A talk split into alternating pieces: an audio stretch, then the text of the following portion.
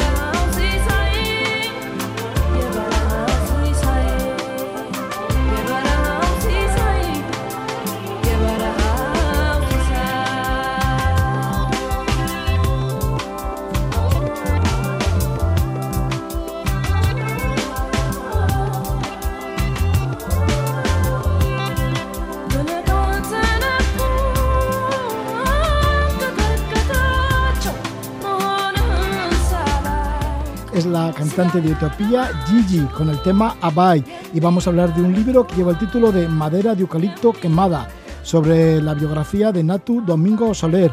Ella nació, es originaria de allí, de Etiopía, y luego, bueno, pues adoptada y educada en Cataluña. Además de esto, bueno, pues ha estado viviendo en Nairobi y en otros muchos lugares. Ahora se encuentra en Maastricht, en Holanda. Enatu Domingo Soler, que nació, como decíamos, en Etiopía en el año 1996.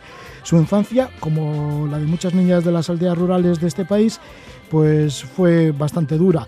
Ella era analfabeta, vivió en primera persona multitud de carencias económicas, convivió hasta los siete años con su madre, con Jan Roth, una mujer luchadora, llena de energía, se movía de pueblo en pueblo en busca de trabajo, fue maltratada y murió de sida. Enatu se quedó huérfana en el año 2003.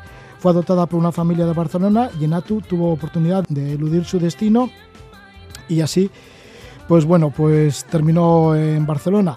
Pero bueno, por ejemplo, cuando era niña quería aprender a escribir y a leer, pero su madre no tenía medios para sacarle la matrícula, así que se coló en una clase de una escuela, pero el profesor, al no estar escrita, le expulsó. En la actualidad, Enatu es licenciada en Ciencias Políticas por la Universidad de Kent en Canterbury y máster en Conflicto Internacional y Seguridad por la Universidad de Kent en Bruselas. Ha trabajado para una organización internacional en Nairobi, en Kenia, y ahora se encuentra en Maastricht, en Holanda. No ha querido olvidar la precariedad de la que proviene y cuenta su historia y la de su familia, su familia etíope, en el libro Madera de Eucalipto Quemada. Es un relato autobiográfico y también sobre los orígenes y las identidades. Le damos la bienvenida Enatu. Muy buenas noches. Muy buenas noches. Muchísimas gracias por invitarme. Sí, Enatu, que naciste en el estado de Amara, en Etiopía, en la localidad de Huerreta, y viviste, entre otros sitios, en Humera, ciudad frontera entre Etiopía y Eritrea, en el estado de Tigray. Un estado que, bueno, pues se conoce también por el tema de la guerra, de la hambruna, o sea que no es nada fácil nacer allí, ¿no, Enatu? Ah, creo que no, que no fue nada, no es nada fácil nacer allí y especialmente cuando perteneces a una parte de la sociedad que lo tiene, que económicamente lo tiene bastante difícil, ah, bueno, progresar y también, ah, bueno, proveer, las, las oportunidades principales como una educación y una vida de calidad. Esta vida la vas contando sobre todo hasta los siete años, tu infancia la vas contando en el libro y también la historia de tu madre, de Jan Roth, que puede ser también el reflejo de la historia de millones de mujeres del mundo rural en Etiopía.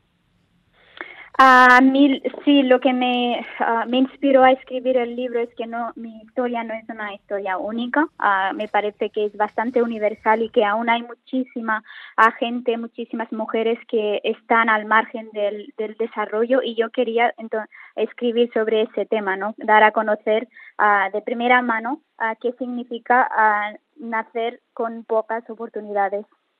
¿Qué significa eso? Y sobre todo, ¿qué significa ser madre en Etiopía, ser mujer en Etiopía de, las zonas rurales, porque ellas trabajan mucho en el campo. ¿Y, cómo ah. trabajan en el campo? Ah, bueno, yo describo muy poco cómo se trabaja en el campo. De hecho, simplemente uso ah, algunas anécdotas para explicar e ilustrar temas importantes como, bueno, como la pobreza en, en, el mundo rural, como la falta de infraestructuras pero también la bueno la bueno la falta de energía y, y, bueno y acceso a la educación. Creo que son todos esos temas que voy tratando a lo largo del libro pero sí que voy hablando de los ah, bueno de las escenas principales de, de la vida rural en, el, en, en Etiopía. Sí, porque comentas que estas mujeres trabajan en campos que no son suyos, muchas veces trabajando de temporeras, y en el caso de tu madre, pues fíjate, tuvo muchos, muchos trabajos, muchos oficios, y ella fue bastante nómada, ¿no? Porque cambió de lugar a lugar. Uh, sí, ella fue nómada, como también lo soy yo ahora mismo en, uh, en Europa, pero también uh, buscando trabajo internacional, me considero también una nómada, ¿no? Pero sí es verdad que ella um, se mueve debido a unas bueno, razones económicas, porque no encuentra trabajo y también uh, una fue una joven justo en la posguerra etíope y claro, uh, el impacto fue bastante fuerte, ¿no? Para la gente que, bueno, que vivió en el campo y que aún así uh, tirar adelante era muy difícil. Leyendo tu libro se ve que pues los niños crecen muy rápido, rapidísimo en, en Etiopía, en estas zonas rurales, ¿no? Como es el caso tuyo y el de muchos otros, ¿no? Y el mismo caso de tu madre, porque tú naciste cuando tu madre tan solo tenía 18 años.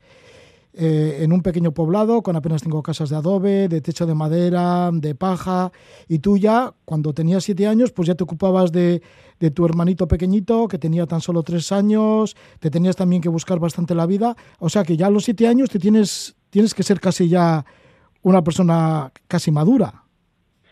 Bueno, es verdad que tienes más responsabilidades, ¿no? Como lo estás contando tú, pero yo creo que tampoco, tampoco se tendría que externalizar porque la vida rural uh, en Cataluña, como también en España, es lo mismo. Adquieres muchísimas más responsabilidades uh, en un ámbito que es más duro y que no hay tanta tanta facilidad ¿no? para poder ir al colegio, para poder simplemente eh, adquirir unas responsabilidades que no son las eh, que no pertenecen a las que la familia te, te otorga o te, te da.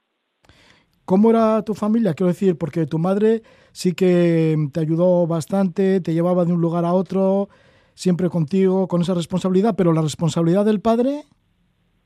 Ay, bueno, yo no hablo mucho de, mi padre en el relato porque justamente ah, no tengo tanta información. Yo viví con mi madre, ah, de hecho, simplemente, ah, bueno, nos íbamos moviendo de una ciudad a otra buscando trabajo con ella. por tanto, para eso yo decidí no hablar tanto de, bueno, de las responsabilidades porque claramente fue absente en mi, en mi crecimiento en Etiopía. ¿Cómo es que necesitabas? Bueno, era para ti Mm, importantísimo ir a la escuela, como, como para todos los niños, ¿no? ¿Cómo fue el hecho de que te camuflaste entre los alumnos y entraste decidida en un aula y estabas allí infiltrada para, para aprender a escribir y a leer?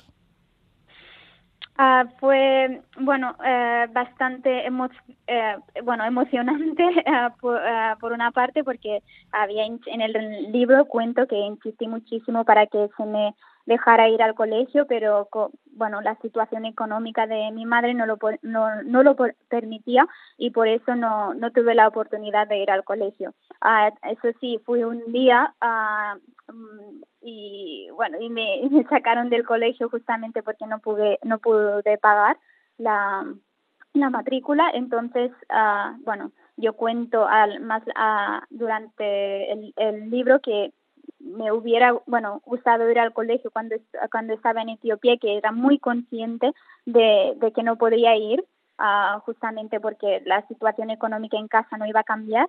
Y más tarde, cuando llego a Barcelona, sí que eh, lo, voy contando, que la educación fue un elemento bastante importante en, en, mi, crecimiento y que también le puse un valor bastante importante a lo largo de, de mi adolescencia y, y bueno, y por, por, mi, mi trayectoria profesional se ve que, ah, que es algo que, que me gustaría que muchísimas otras niñas tuvieran la oportunidad de tener, de poder uh, educarse um, en donde sea, donde estén. Sí, ya decíamos que tu madre y tú misma pues sois bastante nómadas y cuando eras pequeñita pues con tu madre os trasladasteis a Dasa, una pequeña ciudad al oeste de Tigray, Allí, bueno, pues hacía panecitos tu madre y luego ya fuisteis a otra localidad que es la de Humara para cocinar a los recolectores de algodón. ¿Cómo eran aquellos días? ¿Cómo recuerdas aquellos días de muy niña? Los días de campo, pues supongo que serían largos, calurosos ahí, ¿no? En Etiopía recogiendo copos de algodón. Sí, eh, largos y también bastante intensos, ¿no? Como tú me has contado antes, uh, que, bueno, los uh, chicos en, y chicas en Etiopía adquieren más responsabilidades. Yo en aquel momento, pues, cuidaba de mi hermano pequeño mientras mi madre cocinaba para los trabajadores del, del campo de, algodón. entonces, yo lo recuerdo muchísimo como algo que fue, bueno, como algo e-, esencial en mi experiencia en Etiopía y también les conté a mis nuevos padres que yo estuve trabajando en los campos de algodón en el norte de Etiopía. Y más tarde descubriré, bueno, descubro que, que, bueno, que los campos de algodón en Etiopía son muy importantes, son parte del desarrollo del, del, del plan de desarrollo del país y por lo tanto eh, forma parte de, de, este sistema, ¿no? De, del, del país que yo tampoco tenía en cuenta o que, que no sabía en aquel momento que, me fascina más tarde saber que muchísimas de las cosas que yo viví tenían una respuesta o una explicación relacionada con bueno con el desarrollo del país, con las políticas del país y también la situación uh, social y económica de Etiopía en, eh, a principios de los años 2000. Aparte del analfabetismo entre las mujeres del campo, pues también está el maltrato, porque sí comentas casos de, de maltrato, ¿no? En tu propia familia. Y algunas noches cuando estabais en vuestra casita, una casita sencilla con tejado de uralita, sí que llegaban borrachos, ¿no? Que se colaban por la noche. Ah, sí, yo cuento casos de, bueno, de violencia contra las mujeres porque creo que es muy importante, es algo que, que predomina aún en, nuestra sociedad, no simplemente en Etiopía, en África o en Asia, es simplemente parte de nuestro día a día que tiene que erradicarse, ¿no? Yo hablo de eso y, y creo que no me bueno, no me escondo de las cosas que vi cuando era pequeña porque creo que es importante que se, se visibilicen, que, que desde pequeños seamos más conscientes de que la violencia contra las mujeres es algo que se tiene que terminar, que uh, a mí me, me, chocó bastante uh, y desde pequeña vi la, bueno, la, la bueno, la, esa violencia constante contra contra las chicas, contra la contra las mujeres que, que creo que, que a lo largo del relato se va como explicando bien, se va analizando para que, bueno, también el lector conecte, ¿no? con algo que puede ser bastante traumático a, a, los lados del mar Mediterráneo.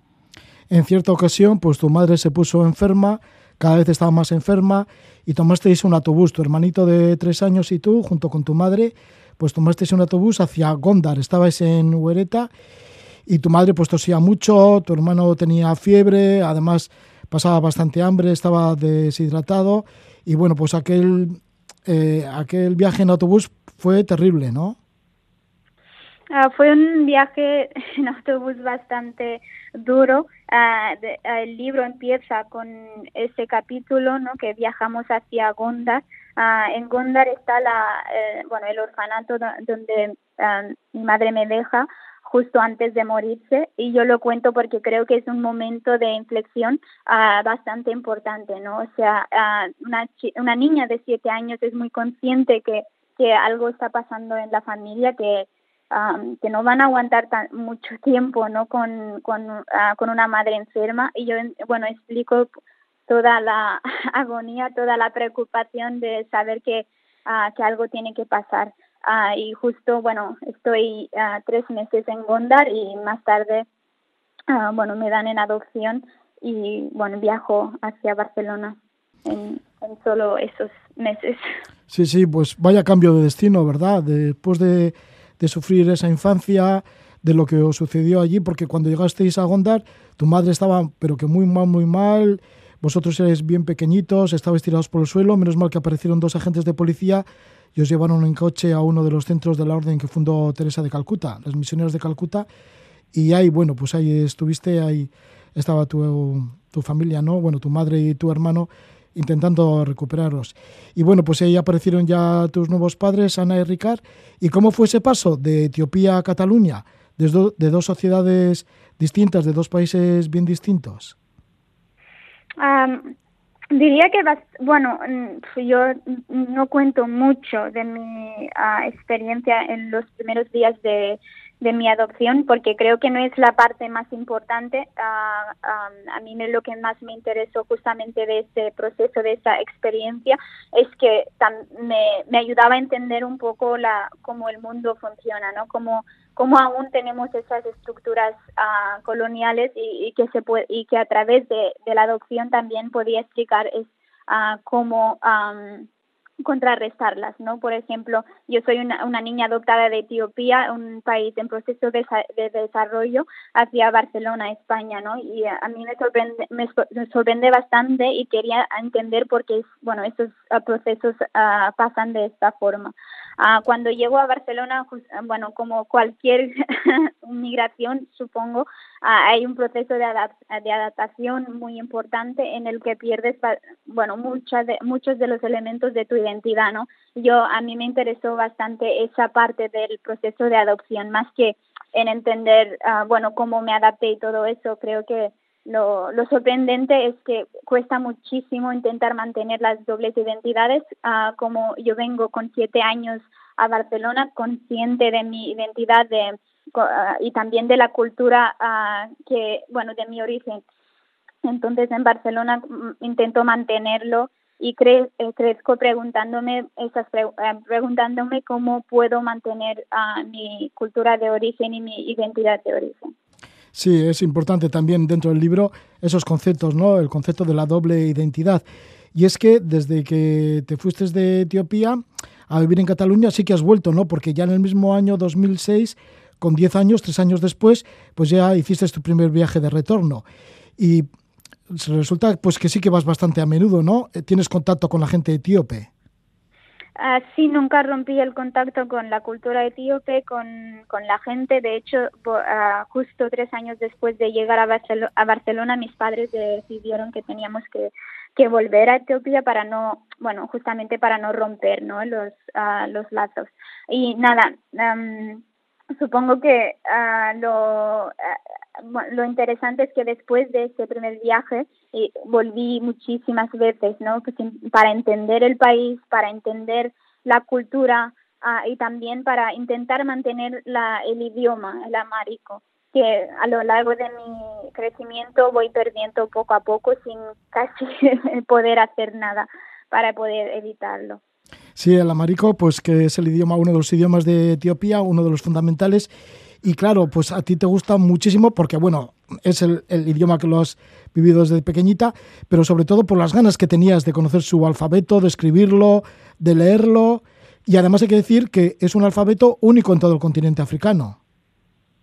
Sí, el amárico tiene su propio ah, alfabeto, es uno de, uno de los ah, pocos uh, idiomas que aún lo mantiene.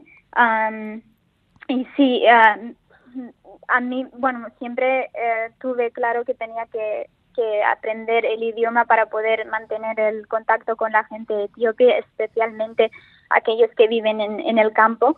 Ah, no muchos entienden el inglés. El inglés es más de, la capital, más de gente educada y todo eso. Y bueno, yo pensé que era importante también como un elemento de, de mi identidad, porque al fin y al cabo salí de Etiopía hablando amárico y volví ahí sin poderlo entender.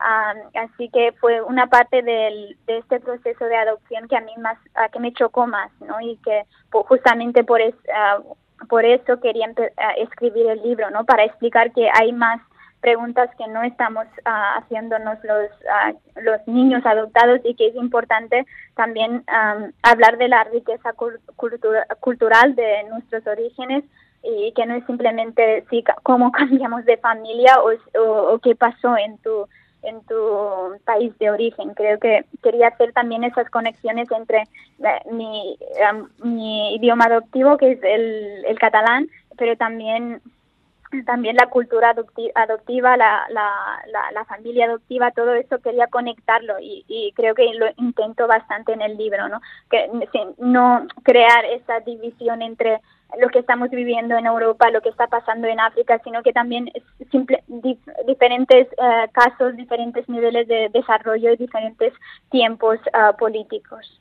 Además, el país, tu país, Etiopía, es bellísimo, mucha gente va para allí para, para conocerlo y hacer turismo y en el mismo estado en donde naciste, en el estado de Amara, pues también mm, tiene que ser bonito, ¿no? Porque vivías en donde naciste pues casi a 2.000 metros de altitud, con unas montañas verdes. Hemos hablado que también en autobús ibais hacia Gondar, Gondar que es uno de los lugares más conocidos de Etiopía. Cerca está el lago Tana, en donde nace el río, el Nilo Azul. Bueno, pues que, que también está lleno de maravillas. Y seguramente que lo has podido comprobar una vez que lo has ido visitando, ¿no? Con el tiempo.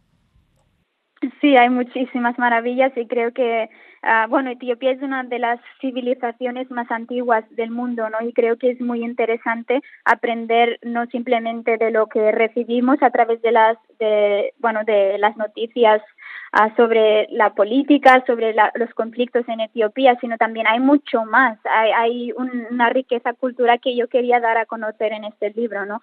Hablo uh, de los monumentos, hablo de las uh, bueno, de, de la, del papel diplomático de Etiopía uh, durante el, el, proceso colonial. O sea, hay muchísima historia que nos queda un poco lejos desde Europa porque normalmente no, no le damos tanta importancia o no, no posicionamos uh, el país en, el, en los debates globales, pero que creo que, um, que vale la pena explorarlo más y, y también estar orgulloso ¿no? de, de, de los orígenes. En, en mi caso, um, empiezo el libro pues pensando que es importante que la, que la gente sepa más sobre este país que me parece fascinante.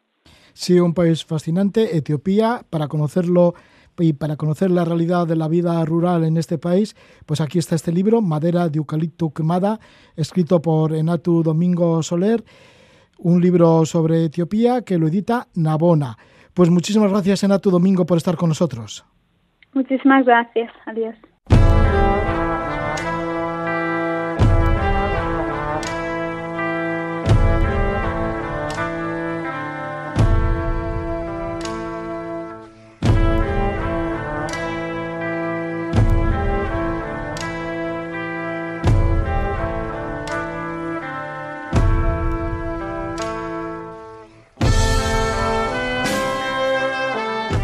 Es música que nos llega desde Quito, en Ecuador. Es la música del grupo Swing Original Monks. Enseguida estamos con Francés Bailón Trueba, antropólogo que nos lleva hacia Ecuador.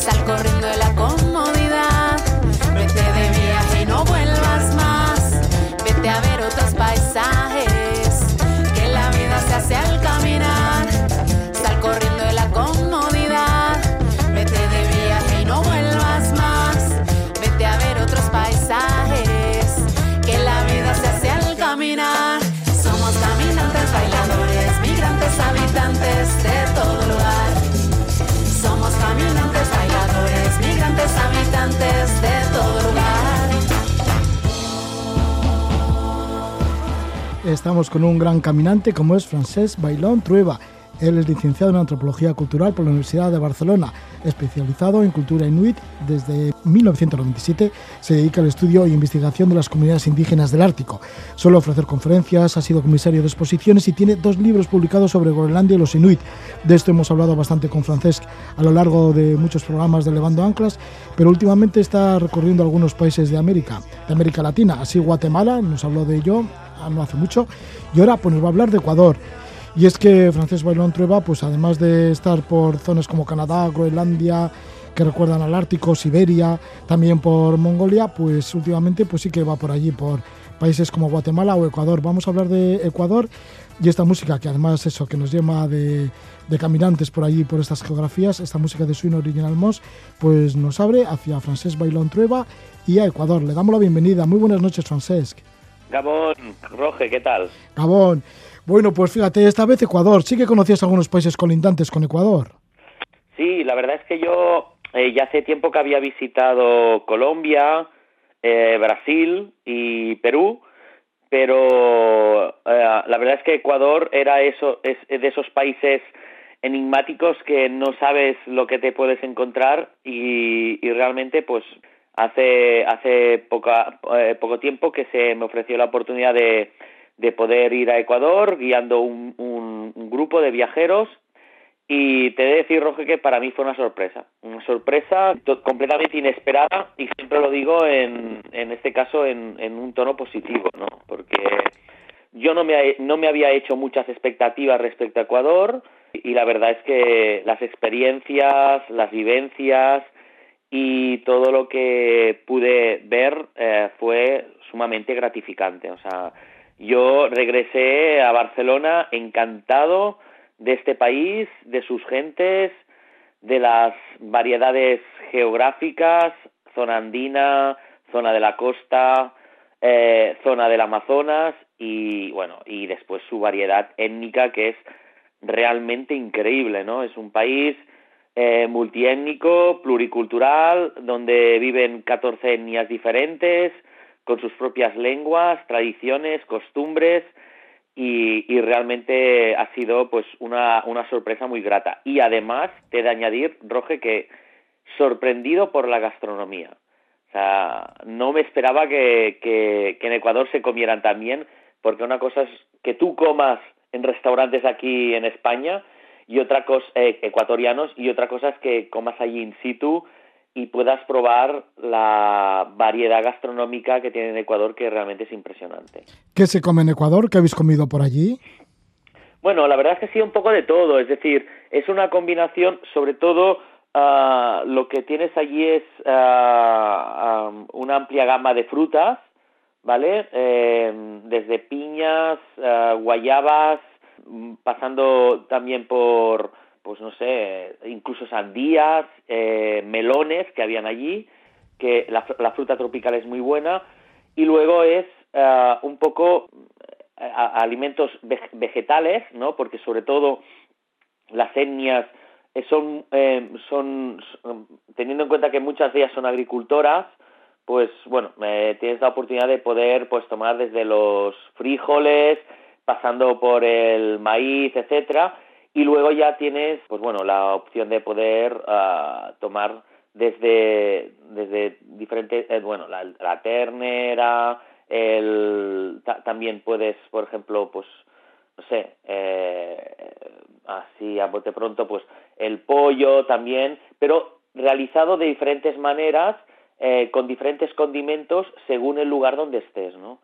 Y, y el ceviche, por supuesto, que muchos pues piensan que solo existe en Perú, pero es que en Ecuador, por ejemplo, el, el tema del ceviche también está muy al día, ¿no?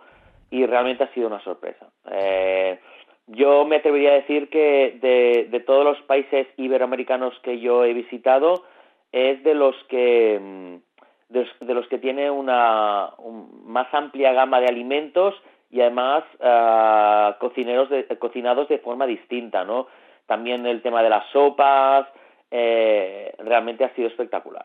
Eh, tengo que decirlo. Sí, Ecuador entonces rico en gastronomía, pero rico en muchas cosas, ¿no? Porque es un pequeño país que está ahí en Sudamérica, al norte, eh, ya has dicho, con regiones bien distintas, la Amazonía, la costa, los Andes, además también están las Islas Galápagos, y a todo ello, pues está en la misma línea de Ecuador, por eso se llama el país así, ¿no? Da nombre también esta línea al país, Ecuador.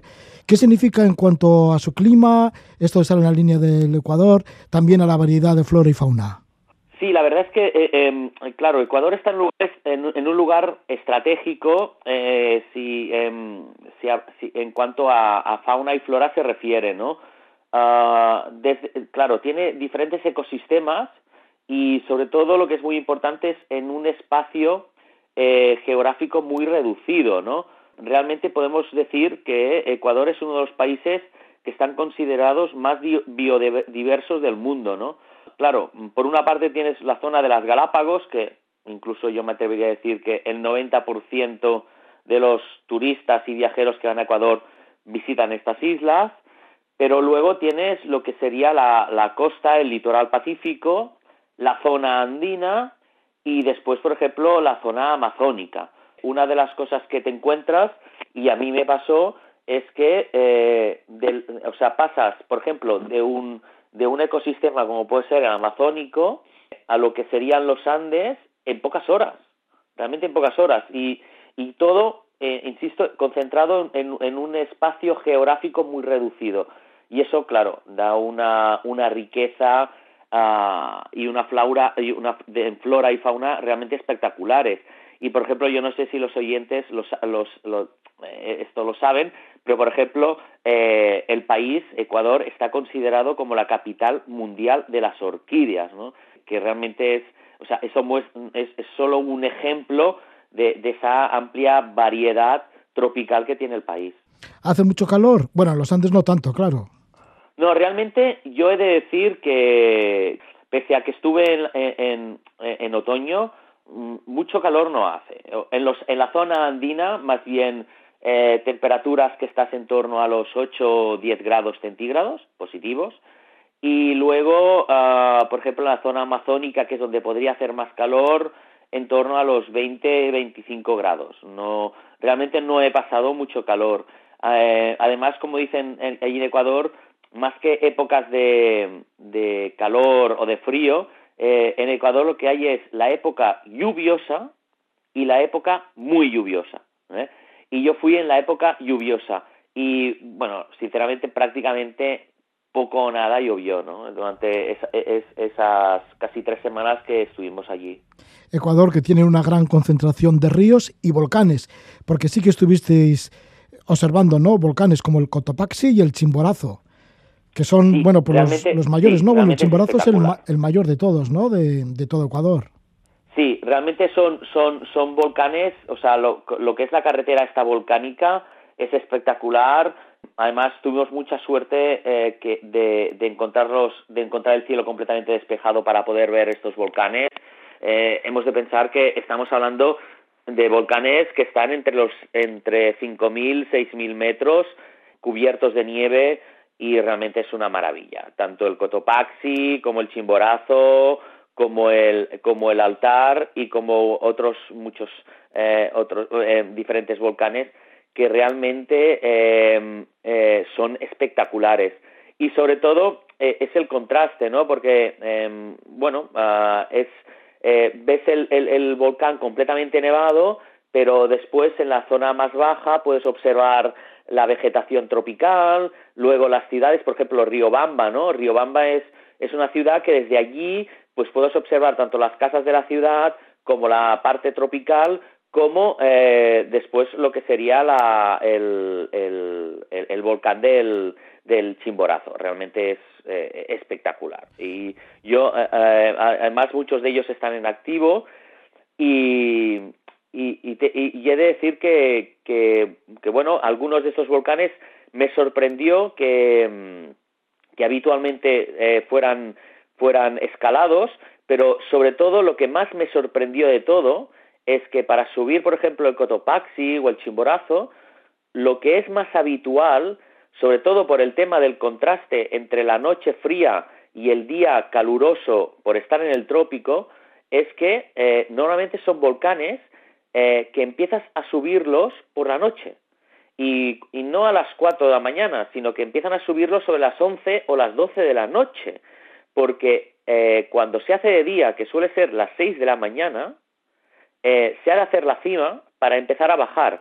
Y eso lo hacen porque eh, a partir de las 7, las 8 empieza a hacer mucho calor y es muy peligroso por el tema de los glaciares, por el tema de las grietas. Y entonces, bueno, me resultó curioso que, que son lugares, son montañas, volcanes, como se prefiera, que hay que empezar a escalarlos sobre las 11 o las 12 de la, de la noche, ¿no? Y por supuesto con frontales. Eh, bueno, me parece increíble porque yo que he subido algunas montañas, pues siempre lo empiezan a hacer sobre las los 3000, pues sobre las 4 o las 5 de la madrugada, pero nunca a las 11 o las 12 de la noche para estar en la cima justo en el momento en que sale el sol y luego empezar a bajar para evitar el calor que pueda eh, tener dificultad con los hielos que hay permanentes allí. El chimborazo que tiene que ser imponente, ¿no? Bueno, pues que se ve desde la misma ciudad de Riobamba, ahí con sus 6.263 metros es uno de los volcanes más potentes y además debe batir también alguno de los récords ¿no? de altitud en todo el mundo. Sí, realmente eh, a mí me hizo mucha gracia porque allí estando en, en Ecuador me dicen, el Chimborazo es la montaña más alta del mundo. Y digo yo, ¿cómo? Digo, yo diría que es el Everest. Y me dicen, no, no, el Chimborazo, desde el centro de la Tierra, eh, es la montaña más alta.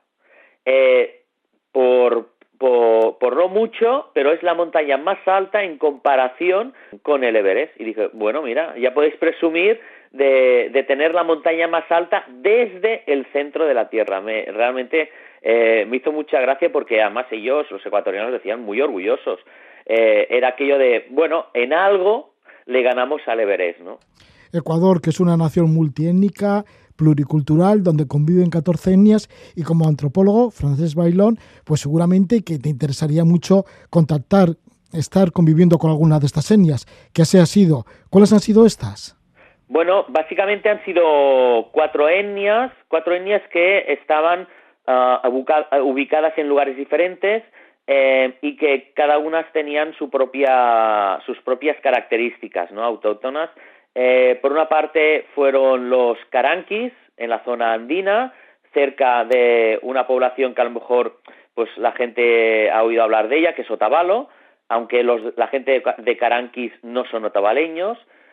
Luego los sachilas, que es más fuera, alejado un poco de la zona andina, más cerca de la costa.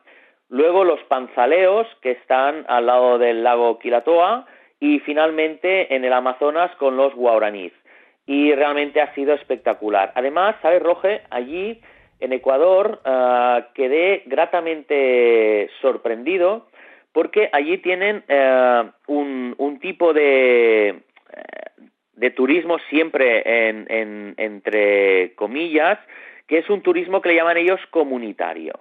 Es decir, em, eh, estas, todas esas etnias que hay en Ecuador ah, están organizadas de tal manera que eh, permiten que tú puedas alojarte con estas etnias en diferentes lugares, convivir con ellas, eh, poder aprender eh, de su vida diaria y todo esto lo tienen muy bien organizado. Y no lo hacen solo de cara, aunque, le, aunque le denominen turismo comunitario, no solo es de cara al extranjero, es de cara al viajero nacional. Es decir, sobre todo ellos allí nos decían que el 98% de la gente que visita estas comunidades son ecuatorianos.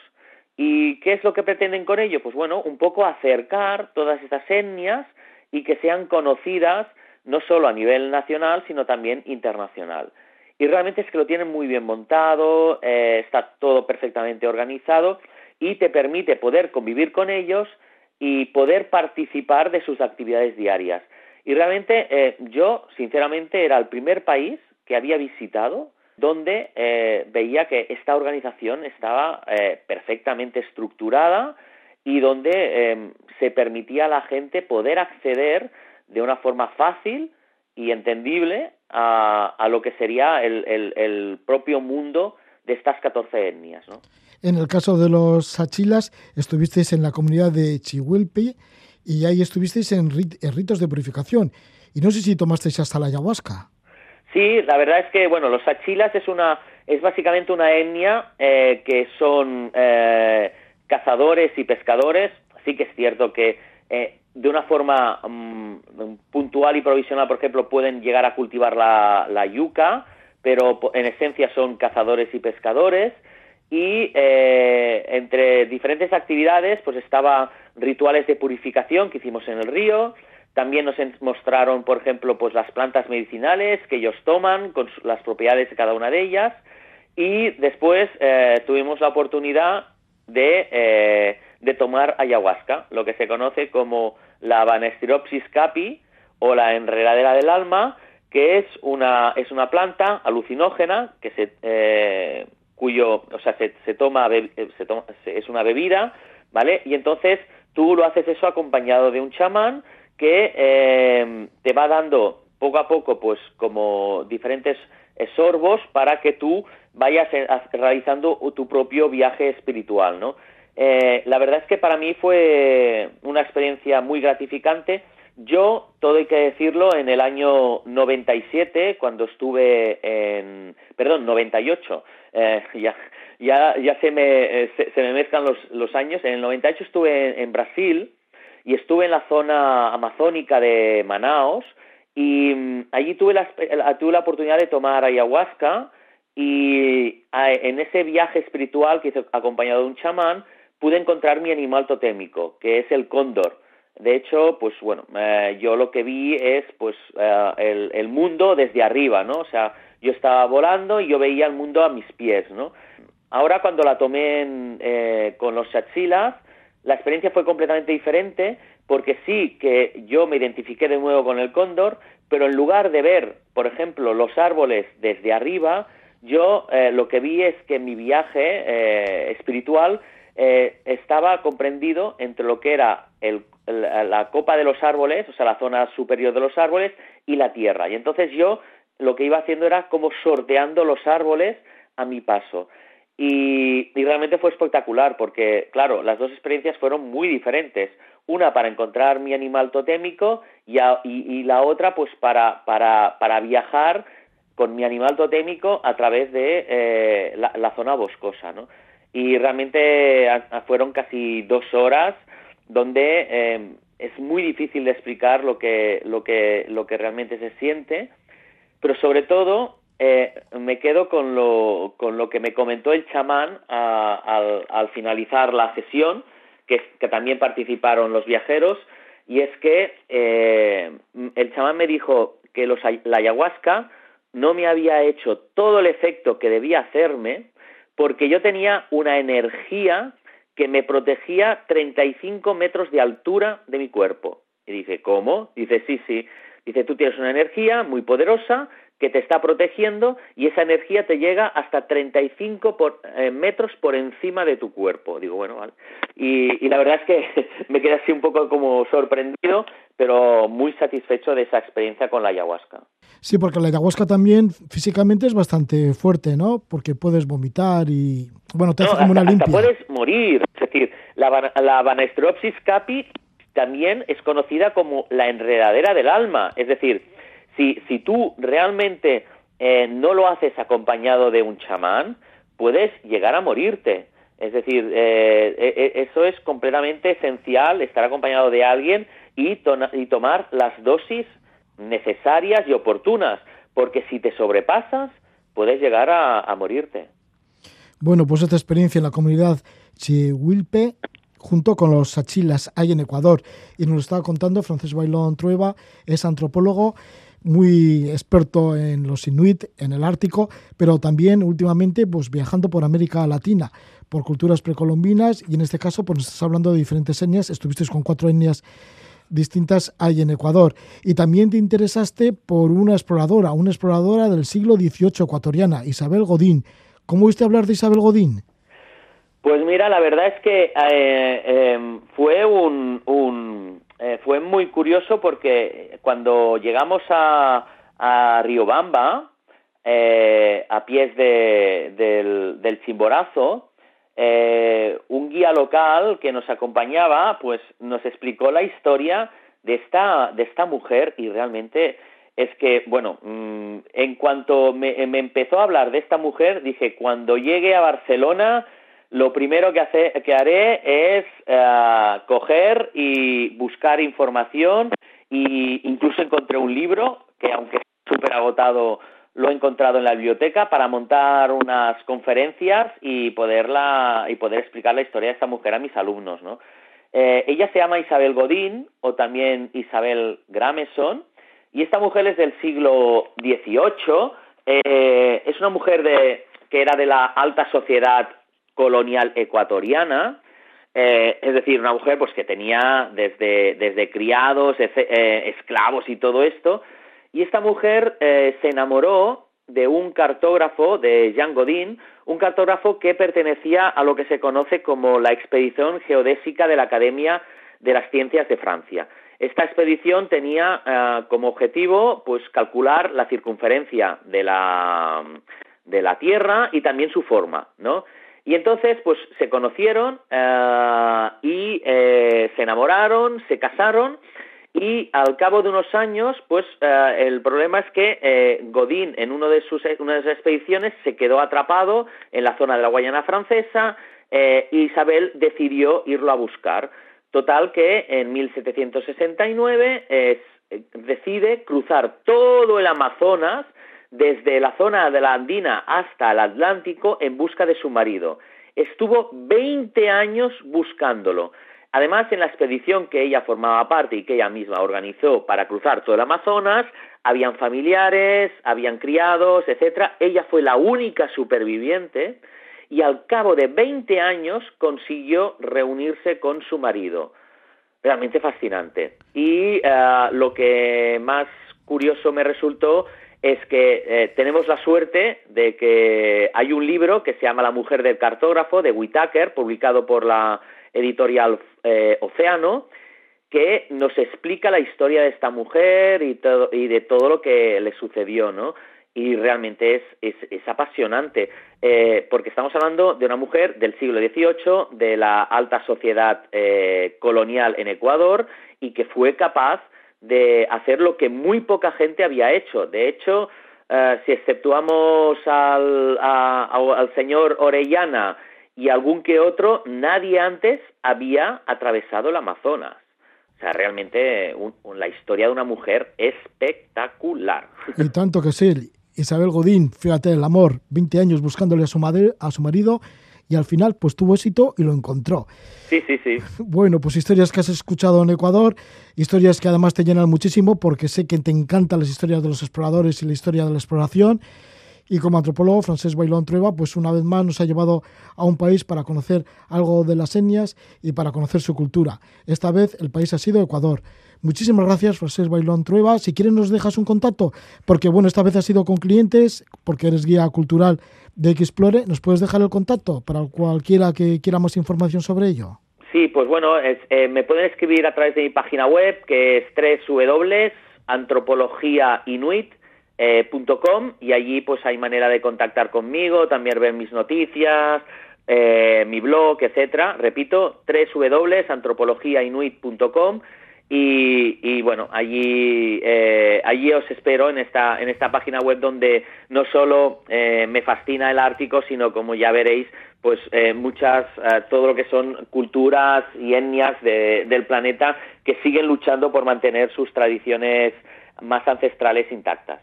Pues que sigas caminando por el mundo, Francés Bailón, y que nos informe. Muchísimas gracias. Muchísimas gracias, Escaricasco y Gabón. Francés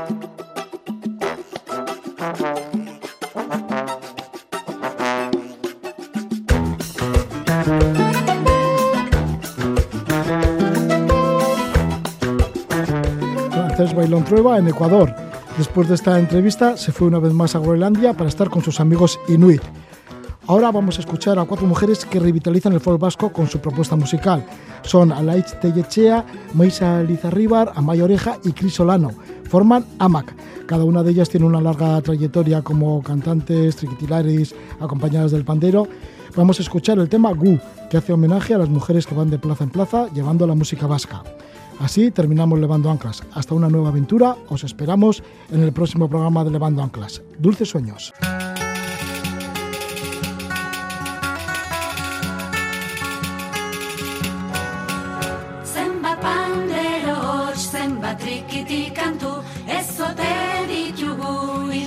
Zera kondenatu.